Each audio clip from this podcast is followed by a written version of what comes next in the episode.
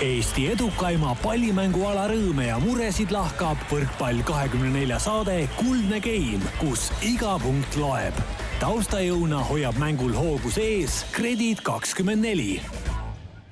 tere ja ilusat kolmapäeva ütleme kõigile võrkpallisaate kuulajatele ja vaatajatele maikuu viimasel nädalal. rannavõrkpallihooaeg on vähemalt treeningute tasandil tänu päikeselistele päevadele täies hoos ja kui Marju Kuudil olid laulusõnades kaks kuukiirt toas, siis Karin Aldole vaatavad Skype'i vahendusel täna vastu kaks päikesekiirt. esmalt ütleme tere meie saate alalisele liikmele Andres Toobalile, kes peab täna rääkima taas kahe inimese eest, sest Rivo Vesik ei saanud meiega jälle liituda. tere, Andres ja ütle, kuidas kuidas põlvele see ilus ilm mõjub, kas, kas see annab ka, annab ka tunda, et, et olukord on natukene parem? tere, tere, jah, kindlasti jah, selles mõttes ma saab, saab siin kõvasti väljas oldud ja, ja tegelikult mõtted natuke mujale, muude asjadega tegeleda, et siis küll see on kasulik põlvele ka ja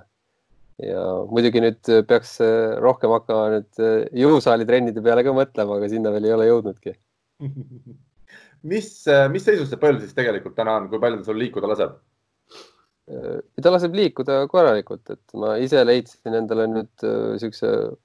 uue treeningu, et ma käin nüüd niisugune õigete kalamehe, kalamehe pükstega siis kogu aeg vees, et käin kalal ja, ja siis peab, peab liikuma kogu aeg vees, nii et see on niisugune paras koormus ja, ja, ja tundub, et on, on päris, päris hästi mõjunud, et et sihuke noh, ei hüppa veel, aga, aga tegelikult on tunda, et äh, selle aja ja sellise liikuvusega on asi paranenud küll. kas koroona on äh, kuidagi kalu ka mõjutanud või neid ikkagi veest leiab samamoodi nagu eelnevatel kevadel, kevadetel ja, ja suvedel no,? leiab, aga, aga praegult on niisugune imelik kevad jah, et jääd ei olnud ja, ja nüüd on niisugune jahedamapoolne, et eks siin kõik on hädas, et midagi ikka leiab, aga, aga, aga, aga keerulisem natukene selge, aga nüüd tuleme tänase saatekülalise juurde. hea meel on asuda rääkima inimesega, kelle huvid ja teadmised ulatuvad enda tegemistest oluliselt kaugemalegi. on au teist korda meie saates võõrustada Eesti koondise Saksamaa tippklubi Friedrichshafen nurgaründajat Martti Juhkamit. Wie geht's, Martti, alles gut? Geht's gut, danke schön väga hea, sellega ka minu see saksa keele ähm, esitus lõpeb, kuigi olen kaksteist aastat õppinud Tallinna Saksa Gümnaasiumi nimelises koolis.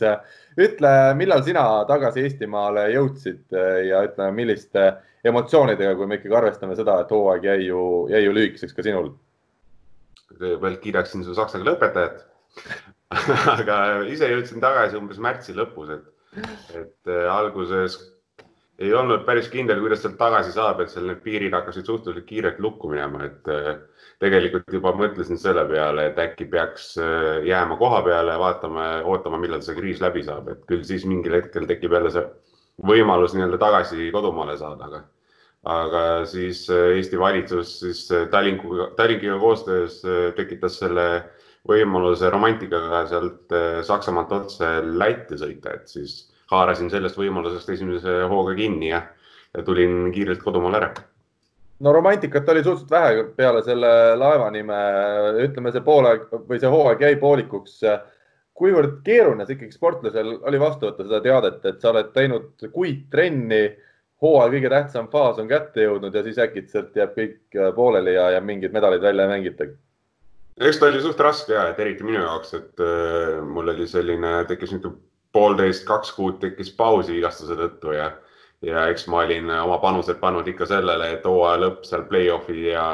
need mängud, mis on äh, nii-öelda olulised, et seal olen tagasi ja seal aitan meeskonda nii palju, kui suudan, aga, aga just siis, kui hakkas taas selline tippvorm tekkima, et siis tõmmati sellele suur kiirelt kriips peale, et e-, ega ma väga rõõmus sellele ei olnud jah no enne kui me veel pikemalt hakkame rääkima siin mängijate turul toimuvast ja sinu enda lõppenud hooajast, siis Andres, ma küsin, kas sa tead, millega eile õhtul Martti tegeles? ei tea, ei kujuta ette isegi. Tartus toimus üks tore rannavõrkpalli etapp, Nõo lihavürsti kapi esimene osa ja, ja Martti, ma lugesin sellest uudisest välja, et Timo Raidojaga sina mängisid, minule see nimi midagi ei öelnud ja sa jäid jagama seal vist viiendat kohta, Tammearude vennad võitsid, Kollo, Kaibald olid teised. kes see, kes see Timo on ja, ja kuidas sa sinna mängima sattusid? Timo on minu nii-öelda naise vend, et neljateistaastane ja ta on nii-öelda seitsmeaastaselt saati vist võrkpallitrennis käinud, et eks ta on niimoodi omajagu siin nii-öelda Tartu noortesüsteemis olnud, aga, aga eks selliste nii-öelda täiskasvanud meeste vastu nii-öelda mänginud varem ei ole, et, et eh, mõtlesin, et võtan ta kaasa ja näitan talle, kuidas see päris võrkpall nii-öelda käib, et, et tekitab võib-olla sellise hea maigu suhu ja, ja annab lisamotivatsiooni, et edasi treenida ja keegi, keegi taevalik jõud oli teid pannud kohe alagruppi Tammearude ja, ja Kollo Kaibaldiga, ma saan aru, et turniiri hilisemad finalistid. ei, siiski oli see kaks, minu süsteem, et ah. loositi tabelisse ja siis äh, esimeses ringis oli selline võidetav vastane, nendest saime kaks-üks jagu, aga siis järgmised kaks ringi olid ikkagi meie jaoks selgelt äh, liiga kõvad vastased. aga ma saan aru, et see plaan edasi mängida võib-olla sama paarilisega veel tulevikuski, et süstida seda võrkpalliindu jah, et, et praegu selline võimalus on, et miks mitte seda aega niimoodi ära kasutada, et, et eks minu õlale samamoodi, et täna samamoodi ikka natukene annab tunda, et, et vajab sellist koormuse järk-järgult tõstmist. ütle ausalt, kumb vorm hetkel kehvem on, kas füüsiline vorm või mängutunnetuslik vorm? ikka mängutunnetuslik vorm, et, et jõusaalis olen ikkagi siin nipet-näpet saanud käia, aga, aga palli puutunud ikka nii palju ei ole, et et see on ikkagi, mis vajab omajagu aega, et, et tagasi platsile saada. kas Eesti karikaetappidest rannavõrkpallis paned ka kaasa osa võtta? ega ei ole planeerinud küll midagi, samas ma ei ole ükski aasta planeerinud, aga siis on niimoodi suht niimoodi emotsiooni pealt see otsustamine, et kui tunnen, et olen valmis, siis nagu olen mänginud, aga, aga eks siis ole näha, et kuidas see, see aasta läheb. kas koondisega on muidu nagu mingid piirangud pandud ka, et äh, midagi teha ei võiks või, või, või võiks just äh, mängida neid rannaetappe? ega ei ole kuulnud küll midagi, et, pigem ma arvan ikkagi soovitakse, ma arvan, et ikkagi võimalikult palju ikka liigutaks ennast, et äh, vaevalt seal nii-öelda Mirko arvab, et peaks ainult jõusaalis käima, et, et ma arvan, et mida rohkem mängijad palli puutuvad, seda parem kõigile nojah, arvestades seda, et mitu kuud on jäänud kõigil vahele, et, et siis kuni selle koondise laagri alguseni ilmselt tõesti on nüüd hea, et mida rohkem liigutatakse, seda, seda parem jah. jah, et ega ongi igasugused äh, nii-öelda, igal mängijal on nii-öelda erinev, et, et kui pikk see paus on olnud, et võib-olla mõned ei olegi harjunud sellise pausiga ja võib-olla see tagasitulek tänu sellele on natukene pikem, et äh, minul on nagu sellist pausi olnud ka varem, et ma võib-olla oskan selles olukorras paremini ennast äh, nii-öelda tunnetada ja tean, mida ma tegema peaks, et et võib-olla need, kes on eh, viimase viie aasta jooksul võib-olla kaks nädalat pausi pidanud, et eh, nad ei oskagi arvata, et mis juhtub, kui kaks kuud palli ei puutu. aga mis selle koondisega nüüd eh, selles mõttes, kas seda toodi lähemale, sest alguses oli vist planeeritud päris juuli lõppu see asi, et. jah, et ennem oli planeeritud juuli lõpp kuni siis septembri algus, et nüüd tõsteti kuu aega ettepoole, et on juuni lõpp kuni augusti alguses okei okay,, no siis, siis on nagu vähe lõbusam ka, et siin muidu juuli lõppu oodata oleks siis päris, päris keeruline. jah, et võib-olla need, kellel see väiksed minivigastused on, et neil võib-olla see taastumisaeg oleks võib-olla parem, aga, aga samas jälle ikkagi ma arvan, et kõik peavad hakkama ennast liigutama ja, ja kui ikkagi on selline inimesed, kes hoiavad sul silma peal ja näitavad sulle täpselt, mida tegema peaks, et samamoodi vigastusest taastuda ja et oleks kõige kasulikum, et mida varem, seda parem no tänavune ikka koondise suvi tuleb igas mõttes väga erinev, uus peatreener Cedric Enard, äh, aga, aga samas ka ühtegi sellist tähtsat turniiri ei ole, kuldliiga jääb ära, valikturniiri me ei pea mängima niikuinii, ükskõik, kas see toimub sel suvel või järgmisel talvel, kuna me oleme järgmise aasta EM-i üks korraldajaid. kas, kas ja kuidas sind kui mängijat motiveerib, äh, on ikkagi huvi suur liituda koondisega just eelkõige seetõttu, et näeb jälle vanu tuttavaid ja, ja uut peatreenerit? Eks uue peatreeneri kõik tahavad tutvuda, et eh, näha, missugune tema selline stiil on ja missugune inimene ta üldse on, et, eh, et kuigi ma olen korra aastas teda näinud, aga niimoodi pikemat suhtlust ja nii-öelda mänguplaani kui niisugust tema, tema poolt ei tea, et, et eh, ilmselgelt väga põnev, et, et mis, mis ta siis nii-öelda koondisele toob, et kindlasti niisugune värske algus, et väikse ülevaate oleksid võib-olla isegi saanud, et praegult oli just, ma arvan, lõppes, et ma natuke aega kuulasin ka, et see võrkpalliliidu sihuke video, videokoolitus oli praegult ja just äh, Kederik oli just tema, tema loengu pool just peaks läbi saanud olema nüüd või, või just lõppes, et, et ma natuke aega kuulsin, et äh, tegelikult ongi, oleks, et kas siin mängijad ka nagu said selle lingi või ei saanud, et või, või ainult see treenerite pool, et ma ise natukene kuulasin, et katsun hiljem järgi saada selle video, aga, yeah.. aga, aga mingi, mingi mõttemaailma juba tegelikult sai, sai nagu kätte, et kuigi ma isegi, ma leidsin uh,, Cedric tegi ka prantsuse keeles ühe, ühe niisuguse koolituse, juba tal olid Eesti koondise failid, ma vaatasin. et uh, ilmselt ta on juba ettevalmistused teinud, et, et samamoodi seal olid uh, inglise keeles olid mingid niimoodi slaidid, et kus ta nagu näitas, mis, mis teatud olukordades tegema peaks ja kuidas kaitsesüsteem on. et ma niimoodi, tundus see nii-öelda suures plaanis suht sarnane, mis Gretu tegi ja ei, see oli jah su, suht sarnane, et seal jah, ja nüüd, nüüd on siis praegult äh, Alar Rikberg ja, ja homme Lüütsepp ja, ja siis, siis keegi teine, teine treeneritest vist on homme, et, et seal tegelikult äh,, et kes veel, kes veel saab, et ma arvan, Võrkpalliliidus äkki oli seal kuskil uudis üleval ka mingi, et, et saab tegelikult väikse ülevaate nendest treeneritest niipidi ka. ja Lüütseppa nägin kaks päeva tagasi siin Go-Marketis, aga ta mulle seal ülevaadet ei teinud seal kiirelt. küll aga ta tegi oma. oleks võinud iga vaba olukorda tuleks ikka ära kasutada. aga Martti, teeme nüüd ühe asja ikkagi kohe selgeks, et kas, kas Senard on sulle pannud järgmiseks hooajaks lepingu lauale, et oled äh, Saksamaa esiklubis Berliinis? ja ootasin, kui helistas, vaatasin kohe niimoodi, käsi hakkas natuke värisema, mõtlesin, kas tuleb nüüd lepingu pakkumine, aga ei tulnud sealt midagi nii, aga, aga kuidas sul endal siis hetkel see olukord on? Friedrichshafeniga sul oli üheaastane leping? oli. ja Friedrichshafenit sa jätkamas oled, ei ole, on selles suhtes juba midagi selgunud? No on tänasel päeval endiselt lahtine, et, et selline vahepeal Friedrichshafenil oli niisugune väike paus nagu väga paljudel teistel klubidel, kus nad ootasid, missugune see eelarve saab olema ja et missuguseid pakkumisi nad mängijatele teha saavad, et, et nad niimoodi esimese hooga haarasid mingi kuus-seitse mängijat endale ära, aga siis tekkis see olukord, et,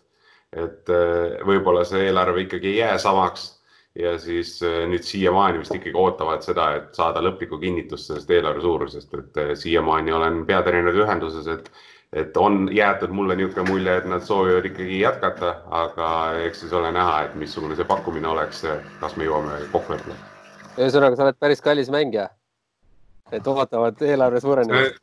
eks ta on suhteline, et äh, kelle jaoks kallis, kelle jaoks odav, et aga eks ma, eks ma üritan ennast nii kallilt müüa kui võimalik. Aga Berliinis järgmisel aastal, järgmisel hooajal ei mängi, see on selge siis? ma kuskilt lugesin, et Berliinil on kaksteist mängijat kolmeteistkümnest soovitust allkirjastatud, nii et, et suure tõenäosusega ei ole jah. kuigi see üks koht on täpselt sulle mõeldud, ma arvan, et see trikk on selle hoidnud sulle võib-olla tõesti, ta, ta, ta tuleb selle lepingu Eesti võib-olla ja siis ta ja. tahab seda nagu allkirja seal. selge, aga Martti, kui me nüüd vaatame laiemalt kogu sellele teemale otsa, siis ole hea, iseloomusta natukene seda mängijate turuolukorda hetkel Euroopa ja, ja ühtlasi maailma võrkpallis, et millises seisus see koroonaviirusest tingituna on? eks ta sellist suurt segadust on tekitanud, et kindlasti on klubid ja riigid, kes on sellest natuke rohkem võitnud, aga on, on ka sellised äh, liigad nii-öelda, mis on saanud äh, päris palju kannatada, et äh, eriti on näha, et seal just seal Argentiina ja Brasiilia liigad on päris kõvasti majanduslikust nii-öelda seisukorras on läinud kehvemaks ja tänu sellele on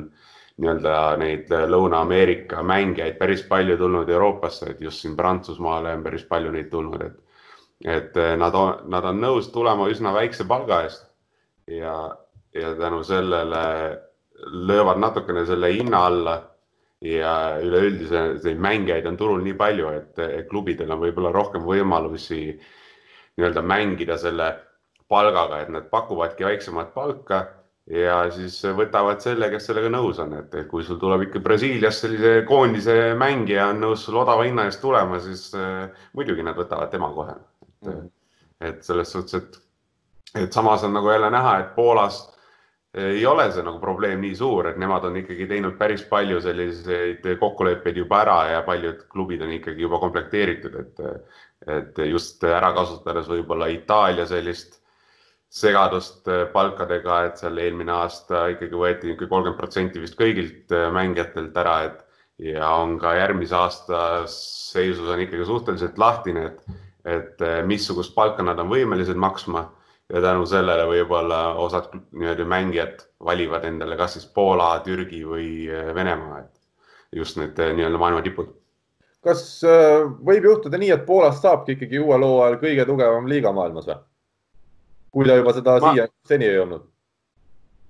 no pigem, pigem ei, no kindlasti ta ei olnud siiamaani kõige tugevam, et ma arvan, Venemaa, Itaalia olid kindlasti tugevamad kui Poola liiga, et aga Poola, Poola liiga, ma arvan, järgmine aasta on oluliselt tugevam küll jah, et, et kuigi Venemaa tundub ka, et on ikkagi väga nii-öelda häid nii-öelda välismängijaid endale võtnud, et ma arvan, et Venemaa on samamoodi võib-olla natuke rohkem rahvusvahelisem kui seni, et et seni on võib-olla sellist rohkem Venemaa kesksem, et nüüd on, nüüd on natukene niisuguseid nii-öelda rahvusvahelisi staare ka rohkem sinna liikumas kes nüüd kõige rohkem kaotanud on, sa juba Itaaliat mainisid siin, samas no vaadates, kuidas on Perugia ja Lube võistkonnad komplekteerinud, siis ei saa vist öelda, et need tipud nüüd väga hakkaksid siin allapoole langema, aga, aga mis liigad laiemalt tunduvad sulle, et jäävad selgelt nõrgemaks kui varem? no eks siin on samamoodi on, et, et ka Saksamaal on ikkagi päris palju juttu olnud sellest, et nende niimoodi võimekus on langenud, et, et võib-olla on selline keskmine tase ikkagi nagu langeb, et et eh, küll need suured nii-öelda Berliin, Friedrichshafen, võib-olla Frankfurt, nemad suudavad ikka oma need eh, eelarved enam-vähem balansis hoida ja nii-öelda samas suurusjärgus nii-öelda, aga just nendel keskmistel klubidel nii-öelda läheb võib-olla raskemaks, et nemad võib-olla vaatavad rohkem sellist, et võtavad rohkem võib-olla noori ja võtavad endale just niimoodi nii-öelda põhikuuiku jagu nii-öelda neid mängumehi, et, et ma arvan, selline keskmine tase võib just langeda niisugustel nii-öelda keskmistel liigadel, et ongi samamoodi Belgia Äh, Tšehhi, just niisugused samamoodi nagu Eesti, et, et äh, selge see, et Eesti palgatase järgmine aasta on oluliselt väiksem, kui ta oli see aasta, et et eks te, eks see nii-öelda näitabki ära selle, et mis mängijaid siia tuuakse, et kui siia ikkagi välismängijaid ei tooda, siis Eestis ei ole nii palju neid heal tasemel nii-öelda oma mängijaid, et, et neid mängijaid on, aga mitte tervete võistkondade jagu nii-öelda. nüüd üks asi ongi selle juures see, et et need, needsamad Eestis osad ole, väljas olevad inimesed, et kas, kas nad kõik saavad ja, ja kuhu need siis pöörduvad, et tege, tegelikult on ju niimoodi, et, et mitmed siuksed noh, väiksemadki riigid nagu nende mängijad, kes on väljas olnud ja liigad võib-olla ei ole väga tugevad olnud, aga, aga need, needsamad noh, mehed, kes väljas mängisid, need kas siis lõpetavad ära või siis ikkagi teevad mingi hooaja veel vaata kodus ja, ja siis proovivad uuesti saada, et nüüd osadel riikidel võibki tegelikult juhtuda see, et, et liiga natukene sellega isegi tõuseb või see keskmine tase võib-olla tõuseb sellega, et lihtsalt vanad olijad peavad tegema mingi vaheaasta kodus. ja ei, see võib küll tõsi olla jah, et, et siin on ka näha olnud, et näiteks äh, Itaaliast näiteks Friedrichshafen ostis endale selle diagonaaliks selle noore Weberi, kes siin Saaremaalgi käis et eh, võib-olla muidu ta oleks Itaalias jätkanud, aga, aga tehti niisugune, kodumaalt tehti niisugune pakkumine, teadis, et saab raha kätte, võib-olla mõtles just, et läheb, teeb seal nii-öelda Saksamaal üks-kaks aastat, et, et ootab, millal see nii-öelda majanduslik seis niivõrd palju paremaks läheb, et talle tehakse välismaalt selline pakkumine, mis teda motiveerib seal välismaal olema. et ega Eesti mängijatel samamoodi, et, et eh, kindlasti tekib probleeme osadel mängijatel klubi leidmisega, et see on eh, suhteliselt selge et äh, just tekibki see, et äh, kuhu nad siis lõpuks lähevad, et kas nad lõpetavad ära või siis äh, tulevad Eesti mingi väiksema palga eest, aga siin ongi see, et kui Eesti klubid suudaksid maksta niimoodi, ütleme ka sellist palka, mida nad maksid näiteks eelmine aasta, siis oleks tõenäosus, et siin mõni mängija Eestis järgmine aasta mängiks palju suurem, et, et kui, kui jälle Eesti klubid ütlevad sulle oluliselt väiksema raha, millega sa, sa tunned, et sa ei ela ära, siis sa pigem teed midagi muud. kui me siin juba kogenevat mängijatest, kogenevatest mängijatest rääkisime ja vaatame Eesti koondisele otsa, siis Gert Toobal on juba neljakümne aastasena ikkagi tagasi Eestimaale tulnud. Ardo Kreegil on välismaalt leping järgmiseks hooaegs Prantsusmaa klubi Setiga olemas. Keit Pupart mängis juba tänavu Eestis, võimalik, et jätkab siin, veel ei tea aga kui me vaatame edasi vanuse järgi, siis ega Martti tuledki juba sina oma kolmkümmend, kolmkümmend pluss vanusega juba peale, et kas siis sina oled ka nii-öelda selles ohugrupis või, või seltskonnas, kes võibki vaadata juba päris tõsiselt Eesti poole või? ma ennast ohugruppi veel muidugi ei paneks, siin nii mõnedki head aastad on veel nagu sees, et aga selles suhtes, et ma ei ole kunagi olnud selline mängija, kes nüüd äh, veri ninast välja nüüd peab siin välismaal olema, et kui äh, siin vahepeal oli juttu, et tuleks Eesti-Soome liiga, võib-olla see oleks ka natukene niimoodi äh, nii-öelda motiveerivam nii-öelda nagu sportlase mõttes, et, et üks asi on kindlasti finantsiline pool, aga teine asi on ka see, et sa, sul tekib see motivatsioon igapäevaselt ikkagi endast nii-öelda maksimum välja pigistada, et et tänasel päeval, kui on nagu näha, et, et Eesti klubil on ikkagi raske, siis äh, ma ikkagi äh, eelistan hetkel olla välis. aga kas ütleme tõesti, kui ka mina vaatan kõrvaltolijana, üritan ennast panna sportlase olukorda, kas, kas ongi nii, et tegelikult vaatame Eesti liigat täna, meil on siin Toobalid, Pupartid, meil on siin peale kasvamas Tammearud, Hurdad ja, ja välismaalt ka ei ole, ütleme, kõige tundmatumad mehed enam paremates klubides. Et kas see ongi, nagu sa mainisid, kui see Soome liigaga liitumine tuleks, et kas see sulle endale, kes sa oled aastaid nüüd mänginud alates kahe tuhande kolmeteistkümnendast aastast välismaal, et see tagasi tulemine oleks päris ahvatlev, sest sa tead, et ühtles, ühtpidi sul on tuttavaid nägusid, see liiga tase ei ole sugugi nüüd nii kehv nagu ütleme mõnel teisel spordimängualal meil siin Eestis, et, et see tagasitulemine oleks juba põhimõtteliselt sedasi karjääri karjääri kokkutõmbamine ja, ja samas ka see, et sa saadki mängida kodupubliku ees, sa saad olla kodus Eestimaal, et, et see võiks olla nagu kohati isegi päris ahvatlev äh, väljakutse. siis ma lähenen sellele ka natuke selle küljega, et, et kui vanus tuleb juurde, siis mõtled natukene rohkem selle peale, et äh, nii-öelda hakkaks rohkem paiksemaks, et äh, looks oma kodu, võib-olla perekonna, et neid nii-öelda muid asju, mis elus on olulised, on ka, et, et ei ole ainult see võrkpallielu nii-öelda välismaal, et see on kindlasti minu jaoks väga oluline, aga see ei ole ainukene aspekt nii-öelda minu elus, et mille järgi ma otsuseid teen. kui me vaatame täna, ütleme Eesti koondise kahteteist, neljateist põhimeest, kes meil seal siis rotatsioonis on siis sees olnud, kas teie usute nüüd, Martti ja Andres, et, et ütleme, need mehed peaksid ikkagi välismaalt saama korraliku klubiga uueks hooajaks või võib siin tekkida ikkagi see olukord juba ka sellistel tasemel, sellisel tasemel mängijatega, et et ongi keeruline midagi sellist äh, heaolu pakkuvat äh, leida. Eks kindlasti on sellest hakkab pihta, et äh, kes paneb endale, mis, mis prioriteedid, et kes tahab nagu raha saada, kes tahab, mis klubi saada ja, ja väga palju ka on, sõltub sellest, kes sul on agent, et et just eriti praegu sellistel kriisiolukordadel hakkabki väga palju lugema see, et kes sul seda asju ajab, et et kellel on juurdepääs nendele niisugustele headele kohtadele, et, et noh, selge on see, et väikeriigile, väikeriigina on ju ja, ja, ja kui sul on nimesilt Eest või Eesti seal taga on ju, siis, siis see ei tee nagu elu just nagu palju lihtsamaks, et noh, viimastel aastatel küll lihtsam on ju, aga, aga siin veel võib-olla, ma ei tea, seitse-kaheksa aastat tagasi oli ikka nagu väga keeruline et igal juhul võeti parema meelega mõni hollandlane või, või, või, või belglane või mida iganes, onju.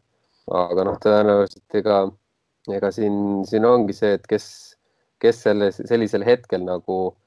mida püüdma läheb, et mõni tahab lihtsalt niisugust rahulikku vaheaastat teha, onju, mõni ei lase enda lati alla, ütleb, tema tahab kindlasti sellist raha saada ja kas see saab või, või kaotab sellega, eks see nagu olenebki sellest, kuidas, kuidas nagu veab ja, ja kes, kes sul seda asja ajab, et et noh, Mati võib-olla teab ise nagu ka onju, et mis tema need prioriteedid on onju ja selle järgi nagu vaatab, et, et selge on see, et igaüks teeb nagu otsuse selle, noh, selle järgi ise.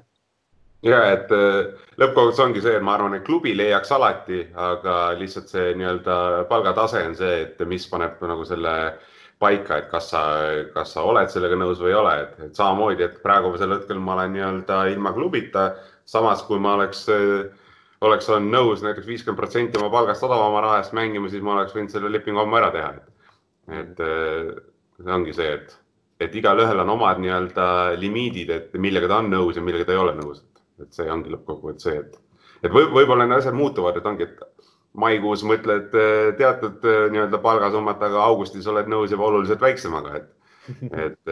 siin ongi natukene peab olema, oskama olla kannatlik, samas on see, et et tuleb osata õigel otsus, õigel hetkel see nii-öelda otsus ära teha. et selles mõttes ma,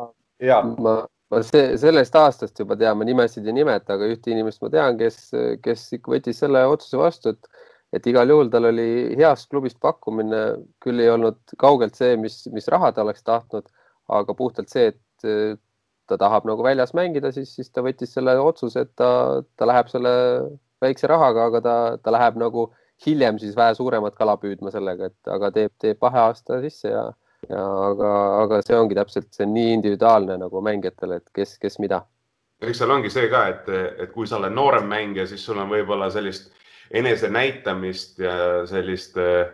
nii-öelda tuleviku peale panustamist rohkem, et kui sa oled vanem, siis sa ei mõtle selle peale võib-olla, et lähen teen veel ühe selle, kui ma kolmekümne kahe aastaselt, kolmkümmend üks olen praegu, kolmekümne kahe aastaselt läheks ja teeks kuskil nii-öelda mingis suuremas liigas kuskil ühe vaheaasta jälle, siis on jälle see, et, et võib-olla selleks hetkeks, kui see nii-öelda tulevik kätte jõuab, et selleks ajaks on võib-olla liiga hilja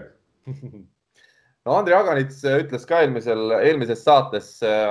et eks ta on selleks valmis, valmis, et ilmselt see palganumber ei ole nii suur, nagu ta siin eelmisel hooajal oli. kas, kas see ongi ikkagi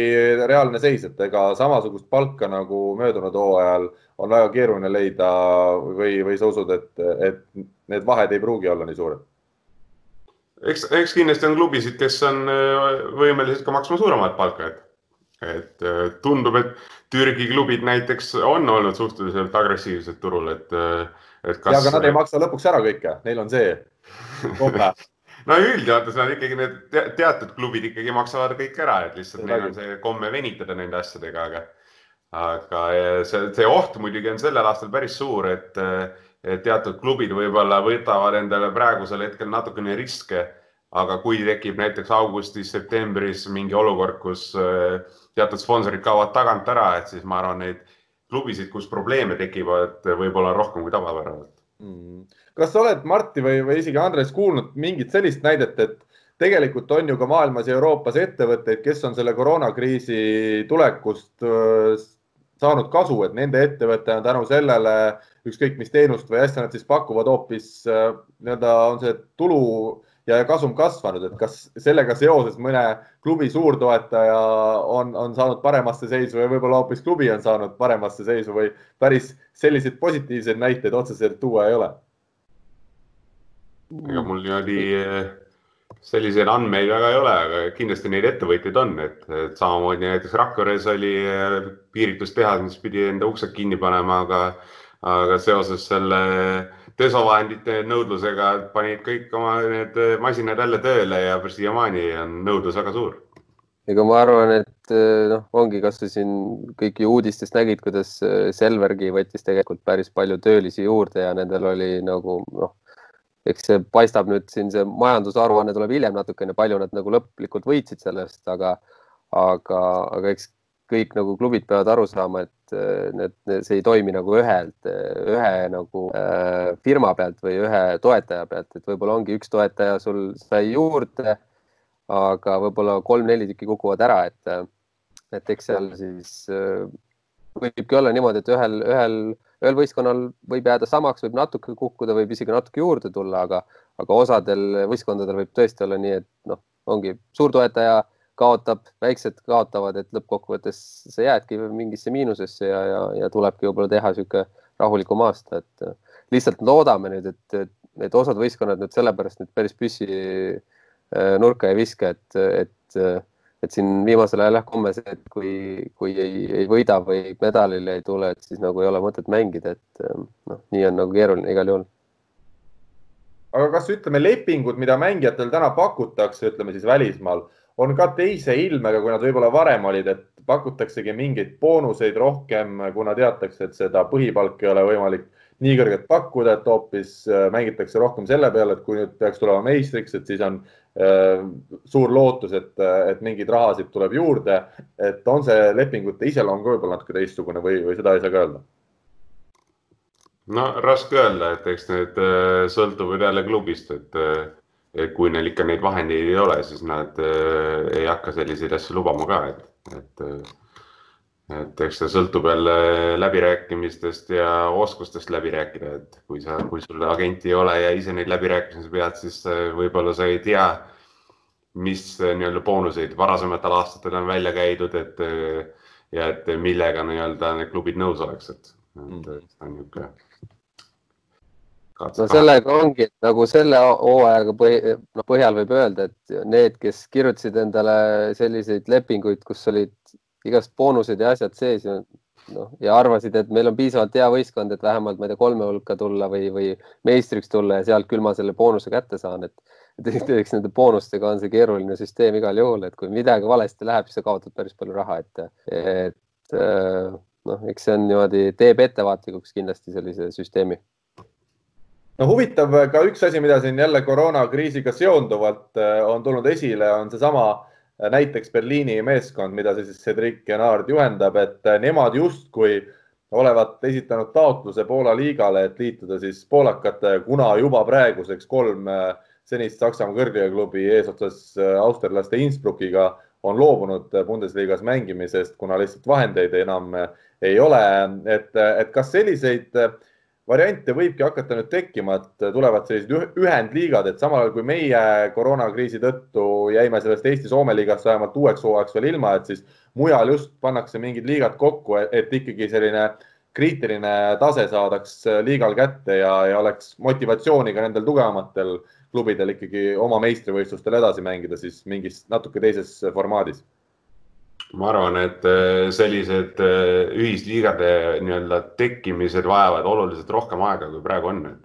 et äh, niimoodi järgmiseks hooajaks ma ei usu, et see mingeid ühisliigasid tekkima hakkab, aga, aga võib-olla hakatakse võib-olla sellisel teemal rohkem arutama ja mõtlema, et kas selline asi oleks võimalik, et Berliini näitel samamoodi, et, et praegu nad on küll öelnud seda, et nad igal juhul mängivad järgmine aasta Saksamaal aga Poolaga neil ikkagi nagu mingi läbirääkimine ikkagi on. et äh, Berliini just suurem probleem ongi see, et nad näevad, et äh, klubi jaoks ei ole piisavalt suuri väljakutseid nii-öelda selles liigas, et areneda klubina. et, äh, et sooviksid nii-öelda iganädalasi niisuguseid suuri vastasseise, et, et see aitaks neil meelitada paremaid mängijaid ja oleks nii-öelda, nii-öelda klubi tegevuses järgmine samm edasi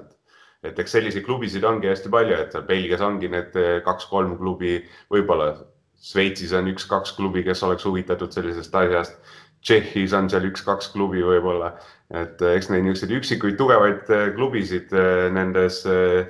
liigades on, kes oleksid alati avatud nii-öelda mõne teise liigaga liitumisest aga samas see näidegi, et eh, noh, see ütleme, mis see oli, see Kesk-Euroopa mingi liiga või mingi asi, et seal ju võiks need kõik nagu need olla, aga miskipärast nad seal selles liigas näiteks osaleda ju ei tahtnud. et kas seal sa tead, kuna sa ise seal osalesid ka, kas sa tead, mis probleemid seal olid, noh, minu võistkond kunagi seal selles Slovakkias ka, nad ei olnud absoluutselt sellest huvitatud, et, et seda ei olnud kunagi käima vist päris hästi saadud. ja see Mersa oli oma nii-öelda idee mõttes oli hea, aga klubid ei saa sellest mitte mingisugust kasu. et kui näiteks sellel Kesk-Euroopa liiga esimene koht saaks meistriliiga koha, ma arvan, et see huvi selle liiga vastu oleks väga kõrge. aga tänasel päeval on see lihtsalt selline au ja kuulsus, mis toob endaga kaasa palju reisikulusid ja nii-öelda nii-öelda kasumit sellest nii-öelda nii palju ei ole, et võib-olla tõesti, et seal näiteks mingi Austria klubidel on tänasel päeval on äh, see tase on kõrgem kui koduliigas, et eh, neil on huvi sellepärast, et eh, nüüd on tõesti natukene paremaks läinud see, kui ta oli nii-öelda mõned aastad tagasi. aga siinkohal ma just jõuakski selleni, et eh, kui Saksamaal, ütleme, Berliin tahaks mängida, et, et ma kujutan ette, et see Saksamaa inimene seal, kes Berliinis käib vaatamas, ma ei tea, kui neil seal täissaal on, ma ei tea, peaaegu kümme tuhat inimest on ju. kas ta on huvitatud minema vaatama nii palju rohkem seda, ütleme, Poola mingi lõpuklubi või siis nagu pigem see, et ma mängin sakslane, sakslane mängib sakslasega, et, et see on jälle niisugune küsimus, mida ma ei, ma arvan, et kui on seal tõesti nagu su suurte klubidega mängud, siis, siis see täituvus on, on väga hea, aga, aga kas, kas selle väiksemate klubidega noh, nii, niivõrd-kuivõrd, kas nad on huvitatud poolakaid minema vaatama? Berliin on muidugi ehtne näide sellest, et äh, kui kõva turundust teha, siis on saal alati täis, et nendel on Euroopa kõige suurem nii-öelda publiku number, mis on äh, alla viie tuhande vist natukene, on keskmine. et isegi Saksamaa kõige väiksemate vastu, neil on ikka seal oma kolm-neli tuhat saalis, et, et neil lihtsalt, nad teavad väga täpselt, mida nad teevad ja mis nii-öelda selle publiku saali toob, et nad on väga palju investeerivad ka raha sellesse, et et mingid mängud minu arust nad panid ligi sada tuhat, panid eh, lihtsalt ühe mängu peale, et et eh, kui sul on rahalised võimalused, siis sa leiad ka selle võimaluse, kuidas selle inimese saali saada. aga Martin, ma, me täna väga pikalt sellel Berliini klubi fenomenil ei peatu, kuigi sellest võiks rääkida väga pikalt. ometi ma küsin sult ühe küsimuse, et eh, jälle päris ausalt, kui ma nüüd mõtlen, ma olen Berliini elanik, kus, mis on ikkagi miljoni linn ja ja kus on tegevusi palju, siis mille pagana pärast ma peaks vaatama seda Berliini mängu seal Saksamaa liiga viimaste võistkondadega, et kas ikkagi Saksamaa ühiskonnas ja seal ka klubi sees, siis on need toetajad puhtalt, nende jaoks on see meelelahutusviis, ükskõik kellega nad mängivad, nemad teavad, laupäev või siis pühapäev on see mängupäev, me läheme kohale, räägime juttu, võtame seal ühe õlle või kaks tükki ja, ja see on selline sündmus, kus see sportlik osa ei ole nii tähtis, kui ta võib-olla meile siin Eestis tundub, et kui sa lähed ikkagi mängu vaatama, siis sa konkreetselt huvitud sellest vastasseisust. ja jääb nagu niisugune mulje küll, et, et Saksamaal on seda võib-olla nii-öelda mängu ülesehitust nagu riitud rohkem sellele, et ta on natukene rohkem selline show ja, ja selline mitte ainult nii-öelda sportlik eh, vaba ja nii-öelda nautimise koht, et Eestis, kui sa lähed eh, mängu vaatama, siis sul ongi ainult see mäng, et kui see mäng sulle huvi ei paku, ega sa rohkem mingit muud naudingut sellest ei saa. Et eh, kui sul mingit muud show elementi või niisugust meelelahutuslikku elementi ei ole, et siis äh, siis peab see mäng kuradi hea olema, et et paraku on nii, et paljud mängud isegi tippude vahel äh, on ühepoolsed ja siis sellist naudingut just mängust ei saa, et sul peab olema ka miski muu, mis sul seda nii-öelda pulssi natuke kõrgemaks toob ja tekitab selle rahulolu, et kui sa mängult ära lähed, et siis äh, sa oled mingi elamuse võrra rikkam. Et siinkohal sellega näitega ka, et, et Eestis minu, minu jaoks on olnud niisugune noh, hoopis teistmoodi, et kui siin näiteks Belgia või Prantsusmaa võtta, et siis, siis peale seda mängu jäävad need inimesed ikkagi nagu noh, päris paljud jäävad nagu veel sinna saali, neil on võimalik seal mingi väike õlu teha, mängijatega veel tegelikult suhelda ja niisugune asi, et Eestis on see niisugune natuke tabu, et kui, kui mängija nüüd tuleb peale mängu ja siis veel fännidega, ma ei tea, ühe õlle joob, et siis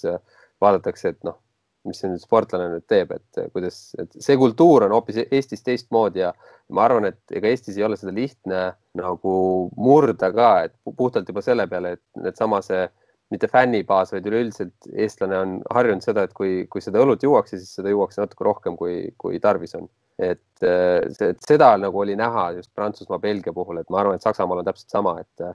et seal see üks-kaks õlut ja ongi kõik, et siis oska, osatakse nagu piiri pidada, et siin siin on selline tunne, et kõik arvavad, et kui sa juba ühe või kaks õlut jood, siis sa pead nagu täis jooma ennast. jah, ega on küll nii, et ega esimene aasta, kui ma välismaale läksin, siis ma alguses vaatasin ka natuke niimoodi, niimoodi viltuselt, et, et, et, et kuidas päris nii, aga seal ongi see alkoholi tarbimise kultuur on teine ja inimesed joovadki üks-kaks õlut ja ajavad omavahel juttu ja võib-olla on sellepärast lähedasemad et äh, meil Freestaffonis samamoodi, et kui mäng lõppes, siis äh, mängijad pidid minema nii-öelda sinna fännide hulka, nendega suhtlema. Äh, keegi ei jooksnud kohe ära, peale seda mängu olid nii-öelda nii peatreenerid kui võib-olla mõni mängija andis intervjuud. aeti nii-öelda lõbusat juttu, siis mindi sinna nii-öelda vipp-tsooni, kus on sponsorid igas lauas oli tavaliselt kas kolm-neli mängijat nii-öelda erinevates laudades, kus äh, suheldi nii-öelda sponsoritega, et kogu see äh, nii-öelda seltskond oleks lähedasem nii-öelda ja, ja siis võib-olla kui need äh, sponsorid omavahel on paremad sõbrad, võib-olla neil tekib ka võib-olla suurem soov sellesse klubisse panustada, et et kui sa nii-öelda mängijad ja sponsorid ja mängijad ja need fännid kunagi kokku ei saa, siis neil ei teki sellist emotsionaalset sidet mm. -hmm seal on selline ring, mis siis üksteist nagu toidab natukene või hoiab elus. jah, no teoreetiliselt see peaks nii toimima, et, et kas sellest nüüd kasu on, eks see on niisugune jälle samamoodi, et kui, kui hästi see organiseeritud on äh,, al, alati ei tööta, aga, aga kui midagi ei tee, siis, siis ei juhtu ka midagi. sest ongi, et kui see on niisugune ainult majanduslik side, et ma annan raha ja ja, ja on kõik, aga kui see ja. tekib sinna vahel, see niisugune väike emotsionaalne side, et no see on umbes täpselt sama, et kus sa, kus sa elad, et kui, kui sa Tallinnas ikka elad Kalamajas, siis sa tõenäoliselt sealt pärast enam ära ei taha minna, et sa otsid ikka sinnasamasse kohta, et noh, et, et see mingi emotsionaalne side jääb tagasi ja sa ei taha sinna kõrval kasvõi Pelgulinna minna, onju. et, et sellesama on, et see, seda, ma arvan, seda sponsorit on lihtsam nagu kinni hoida sellega ka, kui tal on endal see emotsionaalne side seal sees ja, et meil seal Freestaffonis äh, oli tõesti väga hästi organiseeritud just see sponsorite pool, et, et äh, on olemas kõik tasuta söögid, meil kolmekäiguline õhtusöök, äh, tasuta alkohol, tasuta, no muu, muud joogid ka muidugi. et just ongi see, et see nii-öelda sponsor nii tuleks sinna ja ta tulebki kogu oma perega, nad söövad enne mängu, nad juba ajavad seal juttu, et see õhtu on nende jaoks hästi meeldiv, et ei ole ainult see nii-öelda sportmäng aga nüüd sellega ongi see, et Eesti nagu ütleme, saalid ei ole praegult selliselt ehitatud, et selline noh, sellised võimalused tekkida, et väga palju ei ole siukseid kohvikuid või siukseid istumisi, no eks saaks luua neid iga noh yeah., aga, aga see ei ole nii lihtne, et äh, aga see ongi juba see kultuuri vahe, et noh, kuhu natukene suunas võiks nagu minna, et kas see nüüd täpselt sama peaks olema, aga, aga see kindlasti aitaks nagu seda asja nagu emotsionaalse poole pealt ka nagu äh, selleni, selleni viia Innsbrucki klubis näiteks oli äh, saali nurgas oli niisugune telk, kus oli samamoodi oli, ta oli küll väiksem, aga põhimõtteliselt sama nii-öelda kontseptsiooniga, et äh, kõik need äh, toitumine ja nii-öelda joogid, et, et tekitada just nii-öelda kohelda inimest, kes sulle raha annab võimalikult hästi ja nii-öelda tänada teda nii-öelda ja tegelikult selliseid näiteid ju ei pea isegi otsima Kesk-Euroopast või nii kaugelt. Äh, käisin ka Soomes vaatamas Agavolle mängu, kus siis Oliver Lüütsepp ju möödunud hooajal oli treener ja Mart Naaber mängis, siis tegelikult täpselt sama mudel, ilmselt mitte nii palju rahvast ja mitte nii suured sponsorid ja võib-olla nii erilised söögid, aga, aga seal olid need söögid olemas, seal olid need alkohol, alkohoolsed joogid olemas pakuti kooki pärast ja täpselt sama see mudel, et inimene tuleb juba tund aega varem saali, alguses saab seal üleval siis kokku, võtab mingi väikse heine, siis äh, pärast vist teist game'i oli see selline paus pikem, kus inimene tuli seda koogitükki võtma ja pärast mängu siis, kes jäi seal mängijatega rääkima, kes läks jälle sinna üles ja, ja, ja võttis ühe õlu, et, et tegelikult jah, seda, seda asja rakendatakse juba ja ka Soomes, aga, aga see ühiskond Soomes kahtlemata on natukene meist ees ja, ja ütleme sarnasem täna juba Kesk-Euroopale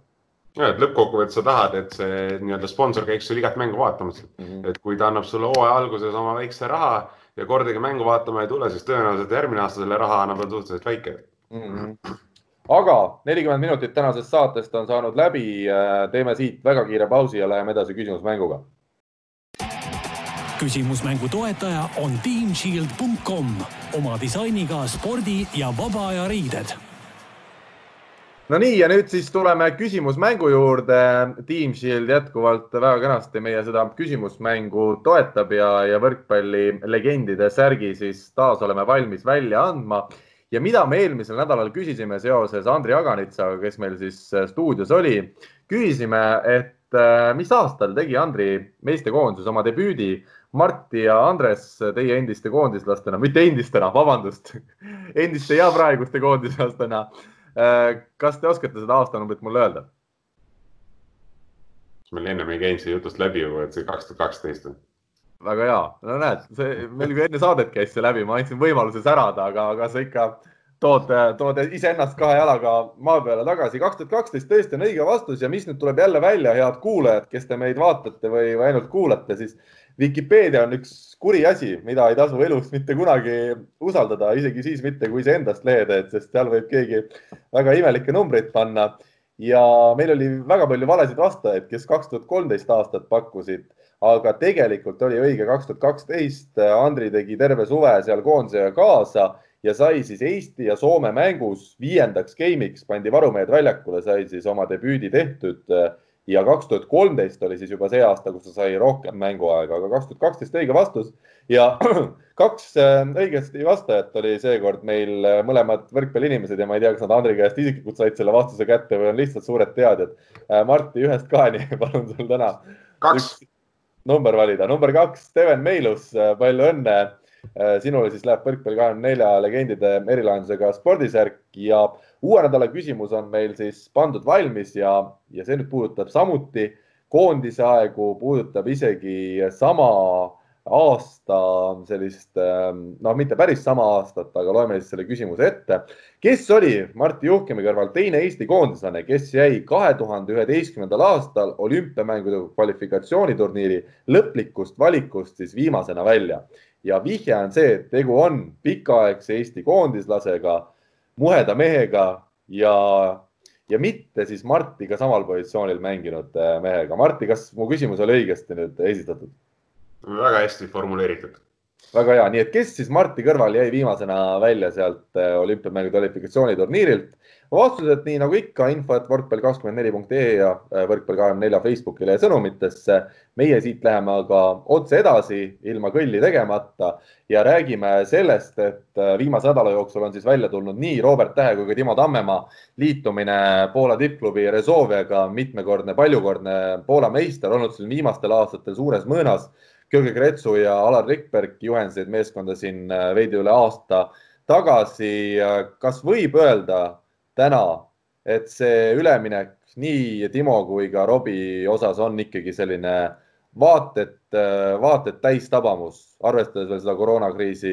olukorda ka. Martti, oled, oled sa minuga nõus, et nad on leidnud endale väga korraliku mängupaiga? muidugi, et äh,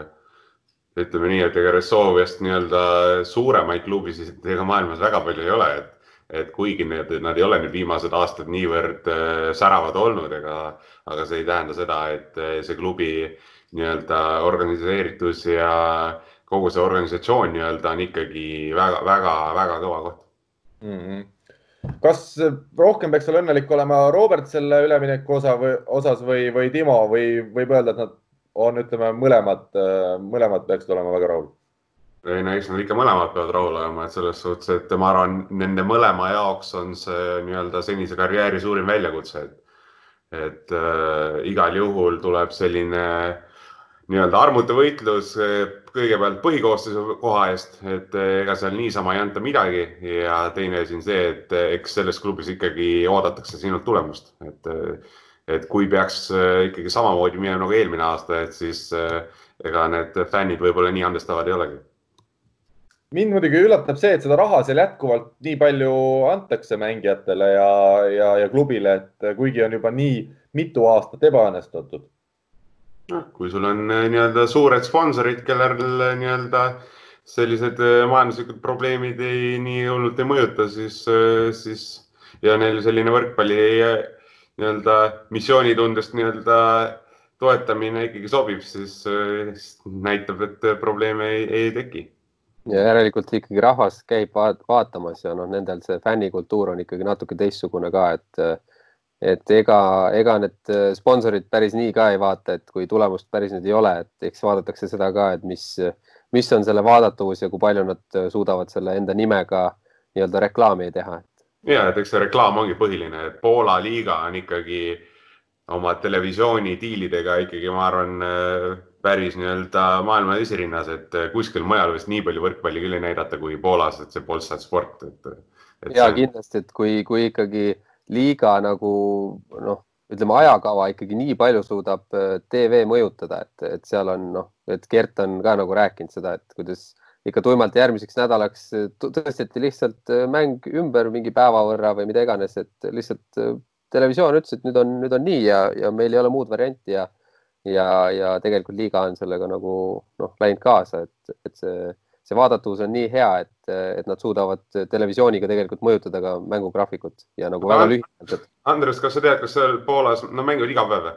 et mingi mäng on iga päev? seal on kuidagi nii ja et, et ei jääks vahele ja, ja, ja tegelikult ju seal, seal näidatakse üle ka esiliigat päris telekast, et, et see, see, see katvus on, on nagu nii hea, et, et see, see võrkpall on nagu jah, igapäevaselt oleks pildis, et ma nüüd täpselt ei tea, jah. võib-olla küll. sport näitab isegi Itaalia liigat, et see on ja. väga, ütleme nii, et nad toovad nii-öelda võrkpalli ikkagi poolakatele nii lähedale kui vähegi võimalik, et nad harjuksid seda vaatama ja, ja ju nad seda mängu ikkagi armastavad ma arvan, et Wilfredo Leoni sugune mees ka ilmselt Poola koondist ei esindaks, ükskõik kelle ta omale naiseks oleks võtnud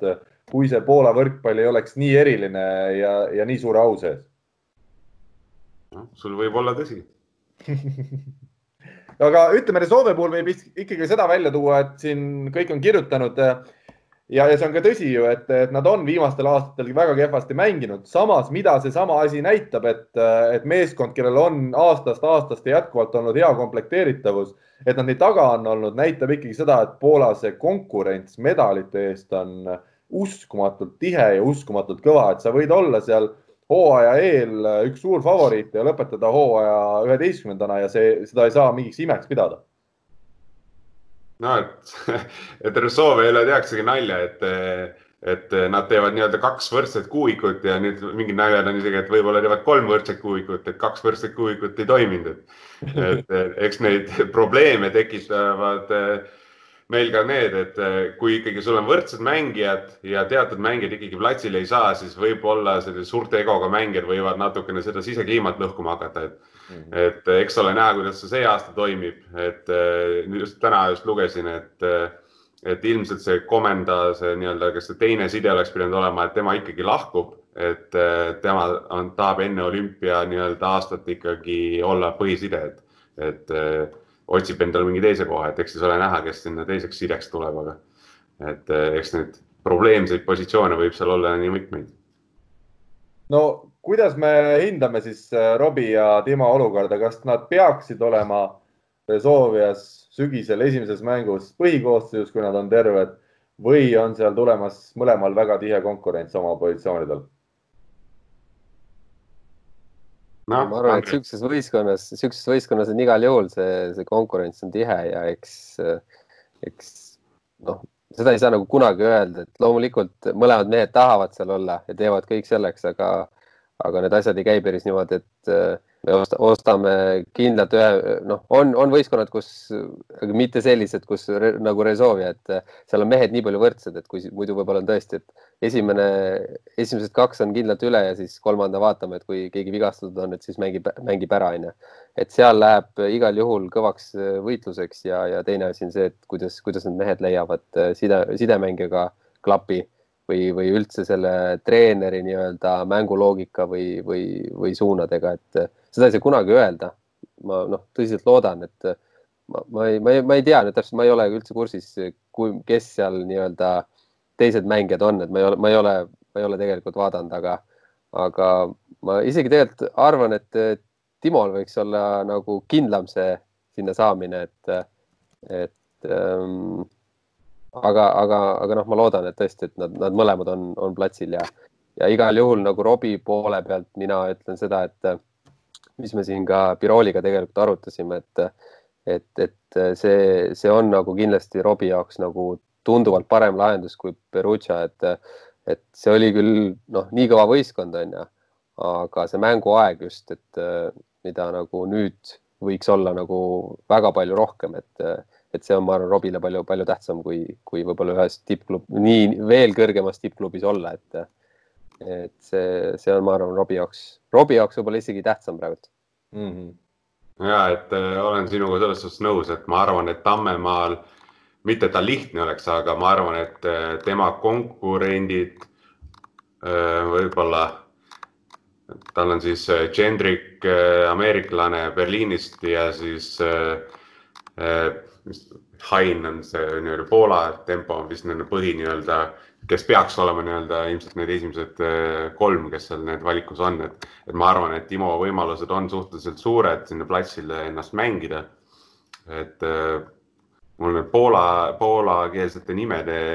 ütlemine just kõige paremini välja ei tule, aga, aga tähe need konkurendid on siis Cebuli sealt Sloveeniast ja Zrzen või kuidas teda täpselt nüüd öeldakse, et hea hooaja teinud siis äh, Poola nurgaründaja, et ma arvan millegipärast, et, et Cebuli koht võib-olla on kõige kindlam, kuna tema on ikkagi nii-öelda võrkpallimaailma superstaar, et tema on neid suurtes klubides mänginud ja nii-öelda olulisi mänge mänginud võib-olla natukene rohkem kui Täht ja siis äh, Poola nii-öelda mängijad. et äh, aga ma arvan, et ega seal kindlat põhikoosseisu kohta kellelgi ei ole, aga ja suure tõenäosusega hakkavad nad üksteist vahetama suhteliselt palju. et seal võibki tekkida see olukord, et eh, kui kellelgi nii-öelda mängu algusest ei õnnestu kõige paremini, siis treeneril on hea lihtne kohe see vahetus ära teha ja panna teine nii-öelda võrdne mees sisse, et et eh, sellist roteerimist võib olla natukene rohkem, et aga samas,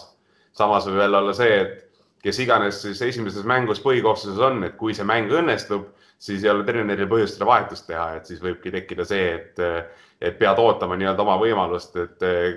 mõnes mõttes, et meeskonnal läheks natukene kehvemini, et sa saad oma võimaluse sinna platsile minna, aga samas no, jälle seda ka ei taha, et, et mm -hmm. eks ta ongi niisugune keeruline olukord no ütleme siis võrkpallisõpradele lühidalt veel nii palju, kui mina ka äh, suudan ja, ja tean rääkida Alberto Giuliani, kes eelmisel aastal siis Sloveenia koondise tüüris Euroopa meistrivõistlustel hõbemedalini äh, Äh, on siis peatreener ja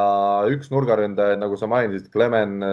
Sebuli või kuidas see õige hääldus nüüd parasjagu on, et, et sellised tippmehed on siis äh, just Sloveenia koondisega seonduvalt äh, tulnud nüüd Rezoviasse. Ja üks nimi, mis ka Poola meediast läbi käis, Stefan Boyer, eks ole, Prantsusmaa koondise kahekümne nelja aastane nurgamees, üks ka ilmselt päris kõva mängumees, et, et tema ülemineku osa siin spekuleeritakse, kas ka temast Resolve mängumees saaks ja ütleme, Boyeri ilmselt liitumine või mitteliitumine oleks ka, on ka päris oluline just äh, Robbie uue hooaja siis mänguaega arvestades. ja et äh, sel juhul sel juhul peaks treener hakkama ikkagi päris palju mõtlema selle peale, et missuguseid legionäre missuguses olukorras platsile panna, et äh, vist neljanda nurgana on Pušek, kes äkki on natukene rohkem sellise vastuvõtusuunitlusega, et kui Täht, Sebuli ja Sõržan on suhteliselt sarnase käekäiguga, siis äh, võib-olla tekib just äh, nii-öelda võimalusi rohkem sel juhul Poola mängijatel, et, et vähemalt üks nurk ja vähemalt üks tempo oleks poolakal, et et siis on jälle nii, et Tammemaa põhimõtteliselt konkureerib Gendrikuga selle ühe koha eest ja Täht Sebuliga, et mm, -hmm. et kui Poirier peaks nagu platsil olema, et et samas Butrin, kes siis on see Poola diagonaal, et, et tema ka tegi väga hea hooaja, et, et see ei tähenda muidugi seda, et nüüd Poirier tuleb, siis ta on igal juhul sada protsenti kesk või seal põhikoostuses, et mm, -hmm. et et ma arvan, et see on pigem, pigem peavalu treenerile, et ma arvan, et ta ei taha endale niisugust asja teha, et lihtsam oleks võtta see kasvõi Konarski, kuigi teda vist äh, väga sinna ei, ei spekuleerita. ja et sellised vaata liigad, mis, kus on kus on väl, sul on välismängijaid ja häid välismängijaid nii palju, aga, aga liiga, liigasüsteem ei luba nagu noh, limiidid peal, et siis ega see on päris korralik peavalu, et äh, ja ega tegelikult see on nagu mängijatele ka vahest võib tunduda väga-väga ebaaus, et ma mängida ei saa, kuigi, kuigi noh, lihtsalt ongi see on treenerite valik, et kuidas, kuidas üldse seda mängu üles saab ehitada. noh, puhtalt sellepärast, et palju ta le legionäre kasutada võib aga üks hea asi on nüüd see, et üks poolakas ikkagi on ka tagasi, ma ei tea, kas ma nüüd nime ütlen õigesti, sidemängija Fabian äh, Držiska on Venemaalt tulnud tagasi, et vähemalt üks hea mees, kes peaks olema põhikoosseisus, on kindlasti poolakas. Noh, eks seal ongi, mina ei oska neid sidemängijaid nii hästi hinnata, ma ei ole temaga kunagi koos mänginud ja ja võib-olla Andres oskab selles osas paremini öelda, et kui hea mängumees ta on, et, et kui ta nüüd Venemaa meistriks tuli, siis äh, eks ta näitab, et, et temas ikkagi seda taset on, et kuigi mingil hetkel ta sealt Poolast olümpiaakosesse läks, siis juba kanti ta suhteliselt maha vist, et, et.... oli jah, et see, see üleminek nagu kritiseeriti nagu korralikult seal, seal Poola meedias ja, ja et tal, ma nüüd ei, noh, mänguliselt loomulikult on, on maailmatasemel mees, on ju aga ma täpselt ei mäleta, aga olen siin mõne treeneriga rääkinud, et tal on omad mingid siuksed vimkad küljes ja, ja ta suudab mingit äh, mänguplaani täita ja mingiga ta võib nagu päris hästi vahele jääda, et, et praegu ütlen vastuse võlgu, kuidas see täpselt või mis see oli, et aga noh, see on, see on iga mängijaga omad head ja vead, kes on ründavam, kes on kaitsvam ja, ja, ja sidemängijatel ka omad, omad vimkad küljes, et, et eks see siis nagu paista, kuidas, kuidas see läheb no kui me nüüd veel Robertist ja, ja Timost paar sõna räägime, siis ühtpidi jäi Timol väga edukas hooaeg selja taha Toursis Prantsusmaa tippklubis, mängis ennast väga ilusti seal ikkagi pildile ja oli ka meistrite liigas edukas. Robert, nagu me teame, Perugias eh, ei pääsenud püünele sisuliselt üldse, ehk siis tema jaoks oli see selline treenimise hooaeg. teisalt, kui me vaatame jälle seda, et Robert Täht on ju kolm hooaega mänginud Poola kõrgliigas Lubini Kuprumis, tema esimene välisklubi see oli, kuhu Georgi Kretsu ta kahe tuhande viieteistkümnendal aastal võttis. et kas see võib ikkagi Robile ka natukene aidata kaasa, et tal on see liiga tuttav, tal on need meeskonnad tuttavad ja tema on ka poolakate jaoks tuttav. No ütleme nii, et selle ajaga, kui tema seal oli, et eh, on see liiga kindlasti muutunud, et on palju uusi nägusid. Eh, klubid on eh, natukene selles suhtes muutunud, et kes on seal tipus ja kes on võib-olla sinna keskpaika kukkunud. et kindlasti teda teatakse, aga samas on jälle see, et üks asi on mängida Lubinis ja teine asi mängida Ressoves, et see pinge on natukene teine ja sellepärast ma ütlesin ka, et ma arvan, et see on tema karjääris nii-öelda suurim väljakutse ennast sellel hooajal nii-öelda Poola liiga tippu mängida, et, et kui ma nüüd õigesti mäletan, siis kas äkki Roberti kaks tuhat viisteist, kuusteist klubini hooaja statistika on äkki vist paremusest kümnes äkki läbi aegade, et see rünnaku protsent, et et äh, selles suhtes, et ta tõesti tegi väga hea hooaja siis, kui ta seal oli ja, ja eks temalt oodataksegi samasugust äh, esitust. et ma just toongi näidet siin, ma ei tea, kas kaks aastat tagasi vist, millal mängis selline mees nagu Elvis Krastins seal Režovias ja ta, ta lihtsalt nagu rääkiski seda tausta, et tegelikult nagu milline nagu surve sul tuleb nagu selle fänni või, või klubi poole pealt, et, et need, see on täpselt see aasta, kus ei olnud kõige parem võistkond, kindlasti seal olid väga huvitavad valikud. ka näiteks tema puhul, et ta sinna sai, onju. et äh, ma arvan, et see oli noh, selge see, et ta ise ka ütles, et ta, ta oli seal nagu selline noh, neljas nii-öelda nurk onju. aga, aga see, et kui palju meestele nagu pandi seda pinget peale, et äh, ei olnud nagu hea võistkond, loodeti väga palju ikkagi ja, ja, ja see ütles, et noh, et omamoodi nagu selline pingeolukord seal, et see, see oli tema jaoks nagu niisugune noh, nagu müstiline kogemus, et,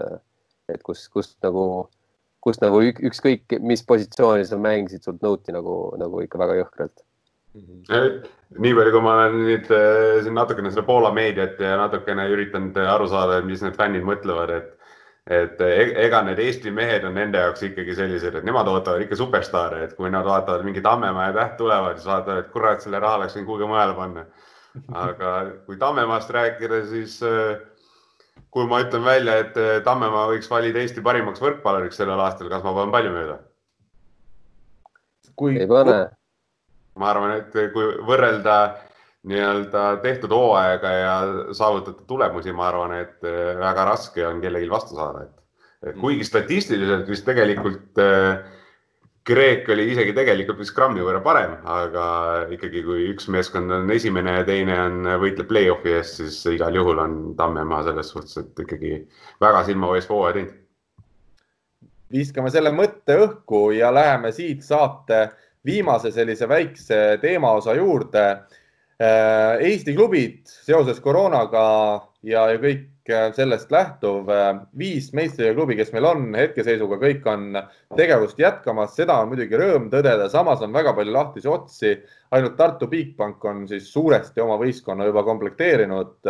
ja mis nüüd jäi jälle kõrva Saaremaa võrkpalliklubi juhi ja mänedžeri Hannes Sepa sõnad, et kui valitsus on ikkagi öelnud, et see teine laine suure tõenäosusega tuleb koroona osas et siis mis üldse sellest äh, uuest liigahooajast saab ja kas neid mängijaid on mõtet palgata välismaalt siis äh, selliseid mängijaid, kellega mängida rahvusvahelised liigasid, et äh, saarlased ise ütlevad täna kaheksakümmend protsenti nemad eurosarja uuel hooajal ei mängi. ma veel loodan, et see kakskümmend protsenti jääb peale, aga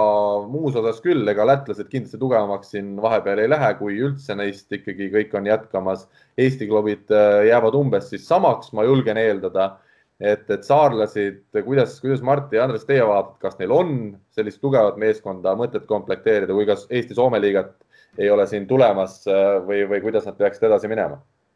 no aga sul ei ole ju mõtet, ka täiesti mõttetut võistkonda nii-öelda teha, et, et eelmine aasta neil oli nii-öelda selline väga tugev võistkond, aga nad jäid tiitlist ikkagi ilma, et ei saa ju teha nõrgemat äh, meeskonda ja siis loota, et sa siis, äh, mis mängid kolmanda koha peal või? No aga ütleme, jätta Maciel, Jimenez, Kiiger äh, nii-öelda välja, võtta nende asemel siis mängitada rohkem Rauno Tammet, Elari Alga näiteks, võtta seal veel üks Eesti sidemängija juurde kuskilt, kui, kui seda sidemängijat annab võtta, see on teine küsimus, et ilmselt meil neid sellisel tasemel sidemängijaid ei ole, et äh, aga, aga ütleme, et see välismaalaste mängijad, välismaa mängijate arv oleks lihtsalt äh, kahe, kolme, nelja võrra väiksem aga tänasel päeval sul on ikkagi, ongi teatud äh, nii-öelda Eesti nii-öelda koondise või piirimail olevad mängijad, kellel ei ole lepingut, et äh, sa ei pea minema esimese asjana legionäri juurde, et sa võid ka suhelda nendega. võib-olla sul õnnestub üks-kaks äh, näiteks sellist mängijat saada, et jah, nad ei ole sul odavamad, kui on sul Marcel ja Jimenez, aga samas sul on oma mees ja kui ongi mingi probleem, kui sa teed need teiste lainetega, siis oma mehega on ikkagi võib-olla neid asju nagu lihtsam organiseerida ja lahendada. Ja et, et noh, eks alati ongi selle, selle, selle legionäridega see, see teema, et, et tundub, et ta tahab nagu vähem palka saada ja nii edasi, et aga noh, lihtsalt seal tulevad need muud kulutused, et noh, kui Eesti mees võib-olla elab siin omas korteris ja tal on nagu, tal on vähem võib-olla mingeid selliseid probleeme, et noh, kasvõi mingid arstide ja, ja, ja, ja, ja muud siuksed ja pluss veel hakkame võtma lennureisid ja, ja kõik sihuke asi, et et äh, kui on ikkagi vähe, vähegi võimalik, siis noh, siis ju miks mitte Eesti, Eesti mees võtta, et kui ta isegi võib-olla tasemelt grammike allapoole on, on ju, et siis, siis noh, ja igal juhul sellega mõttes, et, et kas on mõtet siis nagu võistkonda nagu noh, ütleme nii head võistkonda kokku panna, et, et selge on see, et kui üks, üks võistkond paneb juba parema võistkonna, siis see on ju motivatsiooniks ju teistele, et noh et siis sellisel juhul me räägime sellest ka, et, et järelikult raha nagu on selle võistkonna kokkupanemiseks, aga et noh, et siis me, siis me nagu hoiame kokku või noh, kui, kui see, see on tavaline näide see, et kui sa, kui sa hoiad kokku ja, ja ei kasuta seda raha ära, siis sa üldjuhul järgmine aasta nii palju raha kokku ei saa ka, et siis, siis sponsorid annavad ka vähem, et et siin, siinkohal loomulikult iga kord tuleks panna nagu ikkagi see, see võistkond, mis nagu annab kokku panna ja et selles suhtes neid varjatud kulusid nii-öelda nende välismängijatega on ja et need agendikulud üle või see rahvusvaheline üleminek on juba mingi paar tuhat äkki. et, et kui sa sellesama raha, mis sa muidu viskad põhimõtteliselt prügikasti, et sa paned selle lihtsalt sellele Eesti mängijale juurde, siis sa tegelikult saad nii-öelda võib-olla tasemelt kõvema eh, nii-öelda mängija, kellele sa suudad ka maksta nii-öelda konkurentsivõimelist palka, et millega ta ei ole seal välismaal, vaid ta on Eestis. et eh, mina eriti sellises olukorras äh, võib-olla klubina just vaataksin just neid võimalusi, et kui eriti on selline olukord, kus välismaa linnad võib-olla natukene langevad, et sul on võimalusi neid nii-öelda äh, Eesti mängijaid rohkem meelitada ja võib-olla, võib-olla nad ei läheks välismaale, kui sa suudad neile pakkuda niisugust korralikku palka. No saab olema igatahes huvitav vaadata, sest ega Henri Treial on ju juba läinud just Saaremaalt tagasi välismaale Prantsusmaa esiliiga klubisse Saint-Nazare'i et, et kes äh, need Eesti mängijad võiksid olla, kes üldse võiksid saarlastega liituda, et nagu me rääkisime, et ilmselt Saaremaa ei, ei ikkagi ei lähe otsima neid keskpärase tasemega Eesti mängijaid, vaid tahaksid koondise tasemelt võtta ja, ja neid ikkagi, meil on küll neid päris palju, aga, aga nendest enamik on ilmselt jätkumas välismaal ja, ja suhteliselt keeruline saab olema neid äh, võistkonda tuua. Keit Pupart muidugi üks ka suur küsimärk veel, kas jätkab Saaremaal või leiab endale veel välismaalt ühe klubi? No et eks seal ongi see, et äh, ma arvan, kõik mängijad, kes välismaal on, on ka piisavalt tugevad, et, äh, et Saaremaal nii-öelda liidrirolli kanda, et, et äh, ma ei näe küll ühtegi niisugust põhjust, et miks, miks peaks siis mõnda nii-öelda, kas see on põllu ääre pulk või mida iganes diagonaali koha peale, kus, kas sul on võimalus võtta nemad või sul on võimalus tuua Marcel, et ma arvan, et Marcel on tasemelt nõrgem kui nemad näiteks mm. -hmm. et aga võib-olla, võib-olla nemad oleks isegi odavamad mm. -hmm. aga selles suhtes mina saan klubidest või ka Sepast endast väga hästi aru, et kui sul ongi tänavune hooaeg jäänud poolikuks, sul jäid suured turniirid korraldamata, just saarlasi ju selles suhtes mõjutab palju, et kuna neil käib publikut palju, nad oleks selle Grade kakskümmend neli meistriliiga finaalturniiri korraldanud, neil jäid mingid selged tulud saamata, samal ajal nad pidid mängi maksma, eks ole, veel nii Massielile, Jimenezele kui ka Põule seda noh, korteriüüri pidid maksma seal oodatust kauem, siiamaani maksavad ja ilmselt maksavad ka juunis veel mingi osa. et ma saan täiesti aru, et kui sul on järgmine hooaeg, valitsus juba ütleb, et see laine ilmselt, teine laine tuleb ja ilmselt jälle pannakse asjad kinni, et siis see küsimus on õhus, kuidas seda meeskonda üldse komplekteerida. Aga võib-olla oleks praegu, võib-olla oleks tark praegu Jimenezega leping ära teha, et siis ei pea lennupiletit ostma, et hoiad natuke kokku. las jääb, eks ole. natukene vähem raha ja siis äh, nii-öelda kasutad olukorda ära, et ega seda teist lainet nii-öelda, ega sa seda ei saa prognoosida, et kuigi sind teatud ringkond ütleb, et see on sada protsenti kindel, et teine laine tuleb, et lihtsalt ei ole praegu kindel, et mis viisil ta tuleb. aga samas ei ole nagu kindel see, et kuidas siis seekord sellele reageeritakse, et kas kasutatakse uuesti sellist nii-öelda lockdown'i või niisugust isolatsiooni või siis minnakse rohkem sellist lihtsalt sotsiaalset distantseerimise teed, et, et seda on muidugi raske prognoosida nii klubidel kui ka igal inimesel ja ettevõtetel, aga ma arvan, et sellist nii-öelda kinnipanemist äh, majandusele väga ei taheta teha, et äh, ma arvan, üritatakse leida mingi teistsugune lahendus et siin ongi see, see, see point ongi, et noh, loomulikult Saaremaast saab ju aru, et, et ega lihtne ei olegi, lihtsalt ongi, et, et praegusel juhul ongi raske tegeleda nende välismängijatega. et need, kes on kodused ju nendega nagu siin noh, ei olegi väga-väga suuri probleeme, et et see on see ja loomulikult ma saan ka Saaremaast selles, selles mõttes aru, et ei ole väga palju neid see aasta ei olnudki tasemelt Eesti mehi võib-olla võtta nii odavalt ja noh, see ja nii ongi, et ega midagi, midagi teha ei ole. lihtsalt nüüd, et äh, nagu püssi põõsasse visata, et noh, et, et paneme siis äh,, teeme siis noh, ma ei tea, kas üldse paneme kokku või, või seda ma nagu noh, ei tahaks, et, et juhtuks. et see on igal juhul Saaremaa tulek äh, on nagu elavdanud äh, selles mõttes, et ükskõik kui palju neil on välismängijaid või mitte, ta on tõstnud